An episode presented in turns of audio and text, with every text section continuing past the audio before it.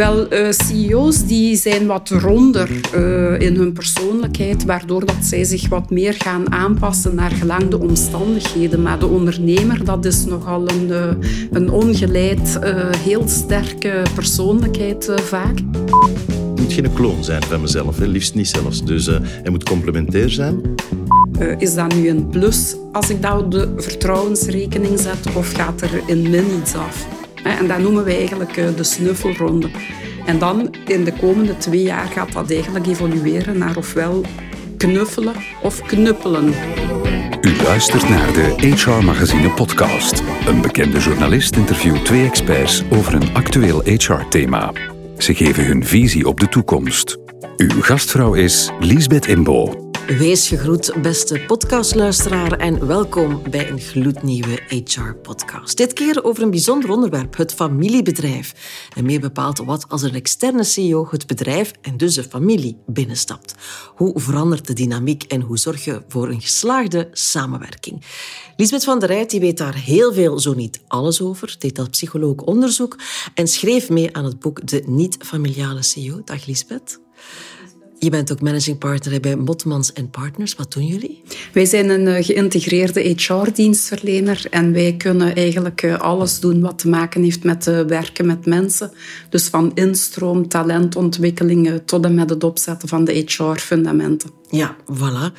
De juiste vrouw dus in de juiste podcast. En een man die echt weet waarover het gaat, als in ik maak het dagelijks mee. Dag Tom van Uffelen, de eigenaar van Universitas. Een familiebedrijf dus. Inderdaad. Hoe lang al? Uh, sinds 1976, als ook mijn constructie. Ja, mijne ook. Geweldig jaar, dus geweldig familiebedrijf. Dus al bij deze. Uh, wat doet Universitas? Wel, Universitas is een uh, duurzame digitale drukkerij, gevestigd in Schoten.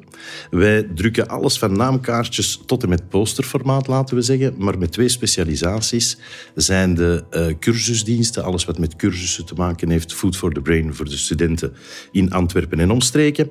En voor de rest hebben we ook een um, printing-on-demand oplossing voor zeer veel uitgeverijen. Ja, je bent dus eigenlijk nog maar ja, 46, 47, afhankelijk van wanneer je... 47. 47 ook al.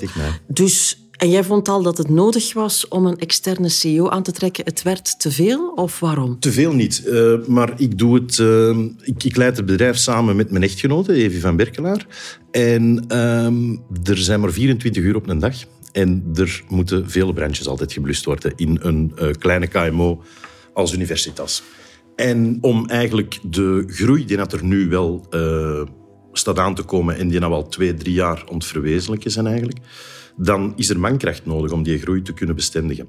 En um, de grafische sector waar wij in zitten is een, een uitdagende sector. De grafische sector is niet de meest florissante voor, uh, voor vele drukkerijen tegenwoordig. Dus er uh, ja, bieden zich ook heel veel opportuniteiten aan. En uh, die opportuniteiten, om die te nemen, de goede opportuniteiten eruit uh, te nemen, uh, daar heb je tijd voor nodig. Dus, en daar wil jij op focussen? Ja, absoluut, absoluut. En dus een CEO om eigenlijk de boîte te leiden? Te leiden, ja, absoluut. Ja. ja. Met korte ei. Met korte ei, ja. dat is de bedoeling toch ook van deze podcast. Heb je daarin specifiek laten begeleiden? Nee, nee, nee. nee. Dus, uh... Dat is een gok, denk ik, Lisbeth. Wel, we zien dat eigenlijk uh, toch wel uh, vaak, hè, dat uh, ondernemers zich laten begeleiden als ze wat lagere functies aan boord halen. Maar vaak, jammer genoeg, wanneer ze die externe CEO gaan aanwerven, dan zien we dat ze dat eigenlijk vaak zelf oppakken. Omdat ze denken, ik moet daar een match mee hebben, ja, that's it. inderdaad. Of dat ze die uit hun eigen netwerk recruteren of via ons kent ons. Ehm. Ja, want we kennen natuurlijk de verhalen uit de kranten. Het loopt al eens fout. Uh, hoe komt dat eigenlijk? Wat is vaak iets wat, wat maakt dat het niet zo'n match is? Wel, het is zo natuurlijk dat het aanwerven van een externe CEO dat dat uh, geen uh, vervangingsvraagstuk is. Dat heeft eigenlijk veel meer met successie te maken. En dat is natuurlijk al een groot verschil dus dat betekent dat Tom eigenlijk al wat nadenkt van wat als ik op een dag ehm, zelf het bedrijf niet meer zal leiden, wat iets anders is dan Tom die het bedrijf verlaat en iemand in de plaats op zijn stoel zet. Ja. En wat we ook zien is dat die match waar u naar verwijst, dat die eigenlijk eh, vooral moet zitten in de waarden en normen. Minder dan in de ervaring, de diploma's, Veel de jaren minder. op de teller. Zelfs niet in de kennis of uh, uh, in de ervaring, want daar zoeken we net de complementariteit. Want het is natuurlijk een ander slag, denk ik. Hè? Iemand die eigenaar is versus iemand die de CEO-rol opneemt. Dat zegt u goed. En wie net uh, die andere slag heeft, is de ondernemer. Hè? We zien toch dat dat mensen zijn met een aparte persoonlijkheid. Mensen die vaak uh, zeer competitief zijn, graag aan de winnende kant staan. Daardoor af en toe ook wel wat temperamentvoller. Uh, mensen die een ondernemersinstinct hebben. Die en voelen... CEO's hebben dat minder? Wel, uh, CEO's die zijn wat ronder uh, in hun persoonlijkheid, waardoor dat zij zich wat meer gaan aanpassen naar gelang de omstandigheden. Maar de ondernemer, dat is nogal een, uh, een ongeleid, heel sterke persoonlijkheid vaak. Ja, ik dacht nu wel dat ze zeggen ongeleid projectiel. En dan ging ik vragen, Tom, voel je je aangesproken? wel... Niet echt. uh, het, het ziet zo... We zitten in een gigantisch veranderlijke wereld. Hè. En omdat je zegt van... Charles Darwin, die zei ook van... De, zij die gaan overwinnen zijn degenen die het uh, best aan veranderlijke omstandigheden kunnen adapteren. En ja, ik denk dat dat zowel als eigenaar is als als CEO dat je dat moet doen. Dus uh, we zitten in een gigantisch veranderlijke wereld. Maar zou jij een goede CEO zijn? Of ben jij toch inderdaad meer dat ondernemerskarakter? Dat ondernemerskarakter, maar ik, ik zie heel veel van onze CEO, Marnix van de Kouder, zie ik heel veel terug in mezelf. Dus, uh, en, Hoe heb je hem dan gekozen, maar niks moest? Is hij een beetje Tom? Nee, Was dat belangrijk nee, voor jou? Nee, hij moet, hij moet geen, het moet geen kloon zijn van mezelf. Hè. Liefst niet zelfs. Dus uh, hij moet complementair zijn. Uh, heeft een andere stijl als ik. Uh, misschien zelfs iets harder als ik. Dus, dus allee, ook daar zitten we misschien in een, in, allee, een ja. atypische rolverdeling. En waarom heb je voor hem gekozen? Waar heb je op gelet? Persoonlijkheid. Persoonlijkheid, leiderschapsstijl. Ehm, de missievisie van ons bedrijf, die heel belangrijk is en die jij ook heel goed snapt. Voor mij is bedrijfscultuur is enorm belangrijk. Hè? Dus, um, en als je die cultuur snapt en die ook wilt verder zetten, uh, dat hoeft niet per se op volledig dezelfde manier zoals Evie en ik dat doen. Maar de essentie van de bedrijfscultuur die er ja. bij ons heerst, die moet verder gezet ja. worden. Eigenlijk gedeelde normen en waarden ja. een beetje. Ja, voilà, dat is wat wij daarmee bedoelen eigenlijk. Daar moet een absolute fit zitten. En als er op andere vlakken dan wat complementariteit is. Maar als er in die culturele overtuiging, mm-hmm. die waarden en normen, niet die exacte fit is, dan loopt het uh, vaak toch ja. heel erg moeilijk. Ja, want Marnix komt van een groot bedrijf, Xerox. Ja. Dat is natuurlijk iets totaal anders. Dat zijn de grote corporates. Hè? Ja, schrok jou dat af of dacht je, ja, die, gaat die wel gelukkig zijn in, uh, in het Antwerpse? Wat natuurlijk de wereld is, dat weten we, maar toch... Blij dat u het zegt. um, maar nee, ik, ik, ik denk dat je moet dat goed doorspreken met elkaar. We hebben, voordat we een aantekening hebben gezet, hebben we honderden uren met elkaar liggen praten. Hè? Dus, uh, want wij zelf, Evie en ik, wij hebben twee dochters. Universitas is ons derde kindje. Hè? Dus, en je wil dat dat ook goed opgroeit. Hè? Dat is misschien nu een peuterke, een kleuterke, al een jonge volwassene enzovoort. En je wil dat die ook tot zijn tachtigste of negentigste doorgaat. Hè? Dus, uh, en liefst nog langer. Dus het is belangrijk om te weten en te voelen aan elkaar van wat ben je... Dat is een vehikel. Dat is een vehikel waar mensen bij betrokken zijn enzovoort, waar je zaken doet en, en, en, en toestanden. En het is belangrijk om eigenlijk ja, die match van de persoon zelf te, te weten. En wat, wat, wat maakt hem, hem gelukkig en ons gelukkig? Want dat is in het leven wat telt. Wat maakt u gelukkig? Hè? Dat is niet zo en goed. hij wou downsizen, letterlijk Downsizen dan? om meer impact te hebben. Hè? Dus, en in een klein bedrijf à la Universitas kan je aan een knopje draaien en drie minuten later zie je of dat er impact is in wat je hebt gedaan of veranderd hebt. Want met hoeveel mensen werken jullie? 35 op de moment. En hij kwam van een boot van... Goh, uh, Xerox in zijn hoogdagen zal 700, 800 Ja. man geweest zijn. Op het laatste is dat denk ik nog naar een man of 200 gegaan, zoiets. Ja. Dus, um, maar aan zich een bedrijf leiden, um, of dat je dat nu voor 300 man doet of voor 30 man, je komt toch altijd met redelijk veel dezelfde zaken in aanraking. Hè? Dus uh, misschien wat op grotere of kleinere schaal. Uh, maar omgaan met mensen, want er komt het op neer. En doelen stellen en doelen als, als groep die proberen te bereiken en, enzovoort. Of dat je voor een klein team doet of voor een groot team. Hè? Dus uh, de grootste impact voor hem, denk ik... ik spreek, ik spreek nu voor hem, maar ik denk dat ik, dat ik voor hem mag spreken, is dat, dat eigenlijk de, de snelheid van, van, van zaken uitvoeren of, of die te implementeren, ja, dat dat eigenlijk de grootste ja, geluksfactor is. Eigenlijk. Ja, ja. Dus, uh, het heeft, ja, inderdaad, hij beslist iets en morgen is het rolling. Ja, ja. absoluut. Ik hoor jou zeggen, wij hebben honderden uren samen doorgebracht. Dat is wat jij aan de telefoon, denk ik, bedoelde met de snuffelronde is belangrijk. Ze hebben goed gesnuffeld. Ja, dat klopt. Dat is superbelangrijk. Want uiteindelijk het uh, slagen van die relatie heeft alles te maken met uh, vertrouwensopbouw. Ik denk in het begin is dat redelijk berekend. Dan tasten ze af. Zowel Tom als Marnix eh, bekijken uit eh, dingen die ze doen van... Uh, is dat nu een plus als ik dat op de vertrouwensrekening zet of gaat er in min iets af? En dat noemen we eigenlijk de snuffelronde. En dan in de komende twee jaar gaat dat eigenlijk evolueren naar ofwel knuffelen of knuppelen. Het is knuffelen, Beton. Knuffelen met van uffelen. ja, voilà. Je is een nieuwe slogan voor Universitas bij deze uh, gelanceerd.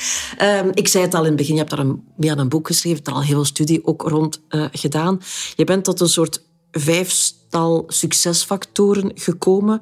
De eerste is de duidelijke rolafbakening. Lijkt me evident, maar is dan blijkbaar niet altijd even helder. Ja, dat klopt. Dat lijkt zeer evident, maar we zien toch dat dat net eh, de sleutel is waar het vaakst tegen gezondigd wordt. Hè. Vaak denkt men, oh, maar we weten dat wel, wat jij doet en wat ik moet doen, wat mijn verantwoordelijkheden zijn, wat uw bevoegdheden zijn. Maar toch, als dat niet duidelijk aan de voorkant wordt afgesproken, dan zien we dat net daar, gaandeweg in de rit, dat daar eigenlijk spanningen rond ontstaan. Omdat die eigenaar-ondernemer zich moeit dat zou bijvoorbeeld eh, kunnen, dat die zich uh, moeit, hè, dat die toch nog uh, ja, soms denkt, ik moet die bijsturen. Hè, als er bijvoorbeeld uh, minder goede cijfers op tafel komen te liggen, dan heeft hij misschien ja. de neiging om wat in te springen. Maar klassiek zien we sowieso dat in elke relatie toch wel een aantal spanningen optreden rond een drietal topics. En dat is met name het feit dat uh, Marnix, die gaat natuurlijk zoeken naar die volle autonomie. Hè. Die wil die impact hebben als CEO. Terwijl dat Tom en zijn echtgenote misschien af en toe toch nog wel dat gevoel van controle willen hebben. En dat geeft mogelijk ja. al wat uh, spanningen. Lijkt me ook niet zo raar natuurlijk, Tom. Want het blijft wel jullie bedrijf. Ja, absoluut. Ja. ja. En dan is het ook niet verkeerd, vind ik, om die controle deels te behouden. Ja. Dus uh, dat hoeft niet per se van altijd naast hem of haar te nee. zitten. Uh, en, en voor de minste dingen bij te sturen. Maar het kriebelt soms. Oh ja, maar dat is ook een Was het proces. misschien het begin meer dan nu? Ja, absoluut. Ja. Ja. ja. omdat ook dat... Je stelt vertrouwen in elkaar en na x aantal tijd weet je of dat hij of zij het vertrouwen waard in dit geval hij, uh, het vertrouwen waard is. Ja, dan nee. Dus, uh, en vanaf dat er vertrouwen is, alles is gebaseerd op vertrouwen. En als dat er is, ja, dan laat je automatisch ja. meer los. Dus, uh, vertrouwen is goed, controle is beter, zeggen ze. Ja, maar misschien en... het niet bij die relatie. Wel, het is zo dat je die controle natuurlijk uh, kan behouden, maar vanuit een ander orgaan. Hè. Bijvoorbeeld vanuit een raad van advies of een raad van bestuur kan je nog perfecte controle hebben op je eigen organisatie. Dat is ook logisch dat je die uh, wil behouden. Maar het gevaarlijke is als je dat in de dagdagelijkse werking in kleine operationele zaken plots zou willen uh, behouden. Want dan is het niet meer helder, niet meer voor de CEO, maar ook niet voor de medewerkers. Ja. En ook niet werkbaar eigenlijk. En ook niet werkbaar. Ja. Natuurlijk denk ik inderdaad ook anders is dan bij andere situaties. En dan kom ik denk ik hè, tot punt twee, communicatie. Niet alleen in casu tussen Tom Evi en Marnix, maar natuurlijk ook de hele familie van Uffelen is daar ook. Ja, en dat maakt het natuurlijk uniek. Hè. In geen enkel ander bedrijf speelt de familie ook een rol, terwijl dat hier een uh, cruciaal element is. Hè. Dat ja. maakt ook dat we soms in een emotionele arena spelen. Maar het is wel zeer belangrijk om die uh, communicatiemomenten om die goed te definiëren. En wat wordt er besproken in een directiemeeting? Wat staat daar op de agenda? En wat behouden we ons voor voor de keukentafel. Hè. Wat bespreek jij nog met Evi voordat je naar het werk komt, bij manier van spreken, waar maar niks niet bij hoort te zijn. Ja. Hè? En dan heb je eventueel nog bestuurders, want dat adviseren wij toch ook altijd, dat er gewerkt wordt met een eh, raad van advies, op termijn een raad van bestuur, met wat externe adviseurs, Ja. zodanig dat zij ook mee kunnen bewaken dat die spanningen die erop treden, onder andere ook rond het eh, verschil in leiderschapsstijl, en dat zij dat goed kunnen ontzenuwen en in goede banen kunnen leiden. In hoeverre inderdaad nemen jullie dingen mee naar de keukentafel? Of is dat toch helder afgebakend? Eh, voor de komst van Marnix was dat tot en met het bed. Dan ging dat verder als de keukentafel. Eh, sinds, de komst van, sinds de komst van Marnix eh, moet ik zeggen dat dat veel beter afgebakend is. Omdat je... Ja, het is iemand extern, dus je maakt afspraken rond vergadermomenten, topics, agenda's enzovoort. Die stelde net iets minder met uw echtgenoten op. Dus, eh, eh, dus het, is, eh, het is veel beter afgebakend sindsdien. Zit er ook nog andere familie verbonden nog aan het bedrijf? Nee. dus het is jullie twee. Ja. En misschien dan later, daar kom ik op terug, hè, die dochters van jou.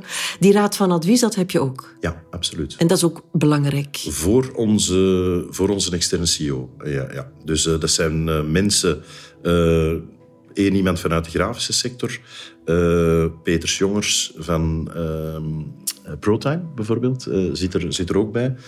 Ehm, iemand van BASF, dus totaal niks met de grafische te maken. Ehm, iemand van Standaard Boekhandel zit erbij. Dus eh, ja, mensen met hun eigen competentieset die ons inzichten op strategisch niveau kunnen Ja. geven.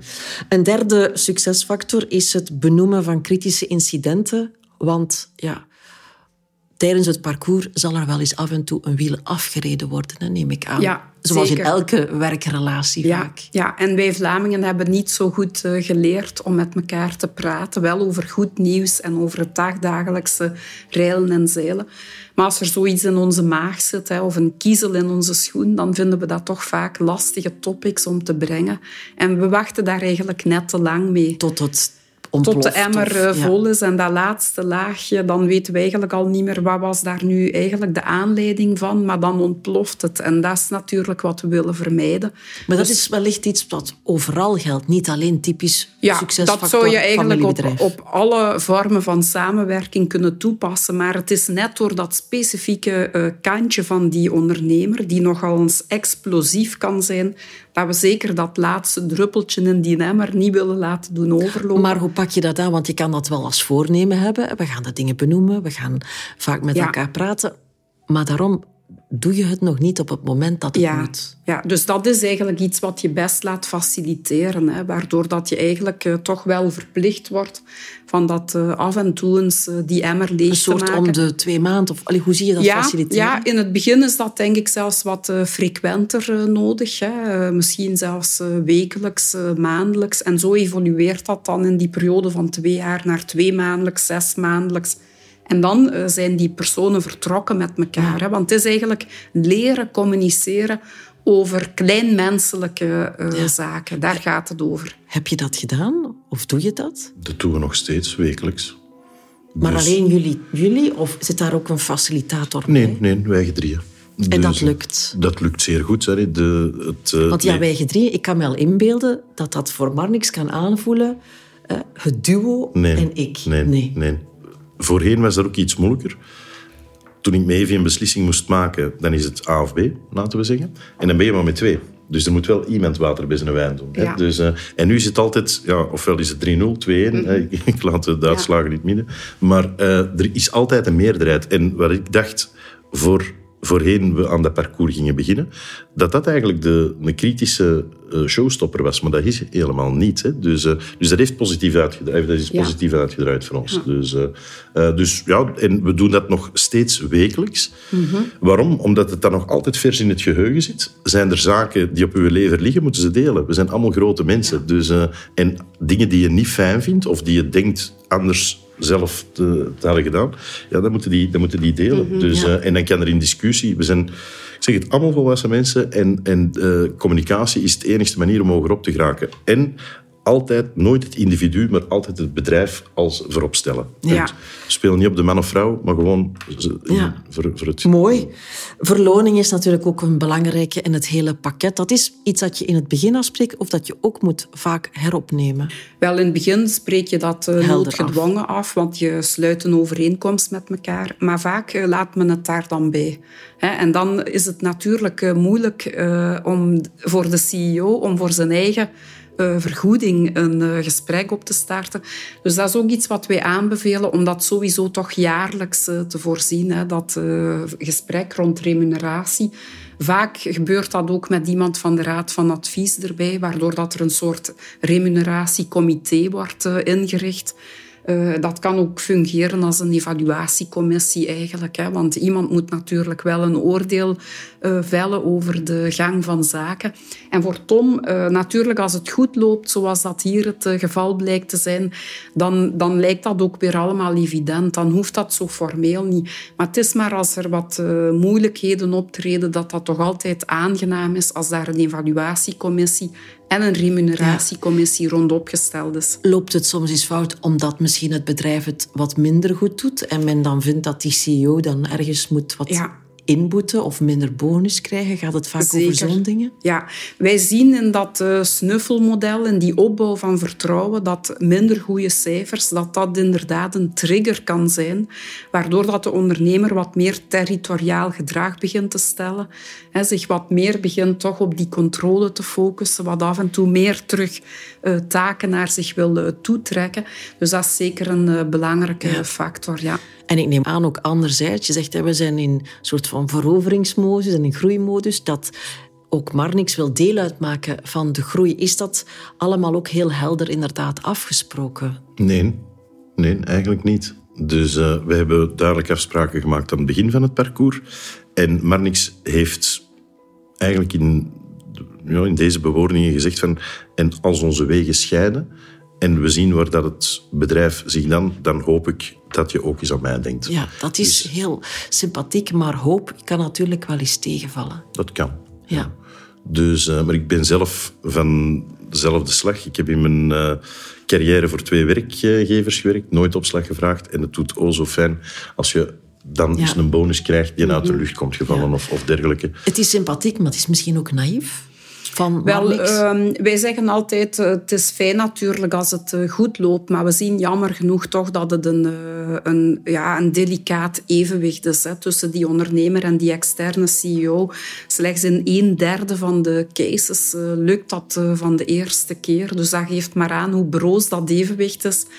En natuurlijk, als er dan geen formele afspraken gemaakt zijn, als het misloopt, kan dat eh, heel erg moeilijk zijn. Ook als het te vaag blijft, kan dat net zo'n kiezeltje in de schoen zijn, hè, waarvan de CEO denkt van eh, nu wacht hij toch wel heel lang om te komen. En ehm, die ondernemer is zich misschien van geen kwaad bewust. Hè. Die zit er met goede intenties Ja. in. Maar die weet niet dat daar op een of andere manier een behoefte is. Dus wij pleiten er toch voor om daar één keer per jaar een eh, gesprek over, hebben, over te hebben. En ook bijvoorbeeld over ehm, hoe, hoe ver reikt ons perspectief, hè, over de retentie. Eh, dus dat is een beetje ook al punt 5, het engagement. Hoe eh, lang wel, eigenlijk we is dat samen? nog een beetje dat eh, vierde Ja. punt, remuneratie en retentie. We koppelen dat een beetje aan elkaar.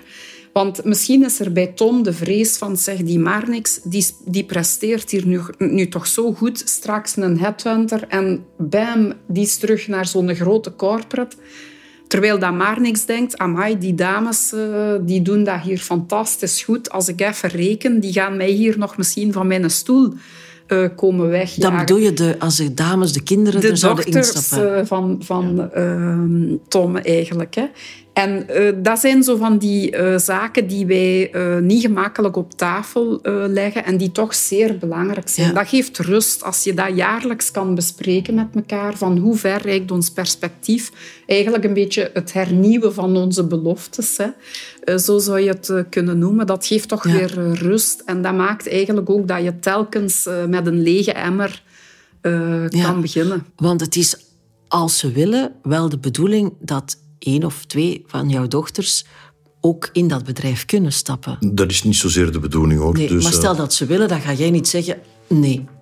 God, is toch elke dag een eh, Champions League-wedstrijd spelen. Dus uh, het vergt wel iets van een mens. Dus als ze er competenties voor hebben, de wil, de goesting, de passie, dan zullen we dat zeker te gepaste tijden uh, bekijken. maar nu zijn ze nog veel te jong. Ze zijn 16 en 11 jaar. Dus we zijn al blij dat ze de eerste woordjes Frans kunnen. dus dat is... nee. Ah, dat is iets wat je al al is het gevallen in een gesprek van ja, uiteraard, het is een familiebedrijf en ik weet ook niet wat de toekomst brengt. Naar hun toe? Nee, naar Marnix toe. Ah, naar Marnix toe. Goh, Marnix is er... Uh, het is ook belangrijk, denk ik, dat je af en toe de leeftijden eens even schetst. Hè. Dus waar zitten wij in ons leven? Ik ben er 47. Marnix is er uh, eh, 56.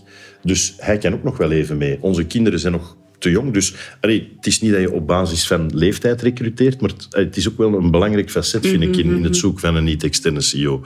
En dat je zegt van, stel, ons dochter van 16, dat die binnen 10 jaar, ik zeg zo maar iets, um, ja, dan ondertussen is Marnix er 66. Ja, en dan zou dat eventueel kunnen. Hè. Dus die, competentie, die competitiviteit is er, gaat er nu nog niet zijn de eerste vijf jaar. Hè. Dus nee. uh, we gaan ze niet op 18 op die zetel zetten. Hè. Dus, uh, dat... Nee, hier in deze case is dat uh, natuurlijk nee, niet verstorend. Maar er zijn natuurlijk wel absoluut. cases waar de externe CEO 45 is en dat de kinderen uh, 30 ja. zijn. Hè? Want Tom heeft dat uh, ongelooflijk uh, snel gedaan. Dat uh, geeft aan dat dat een man is met een ontzettend leerhouding.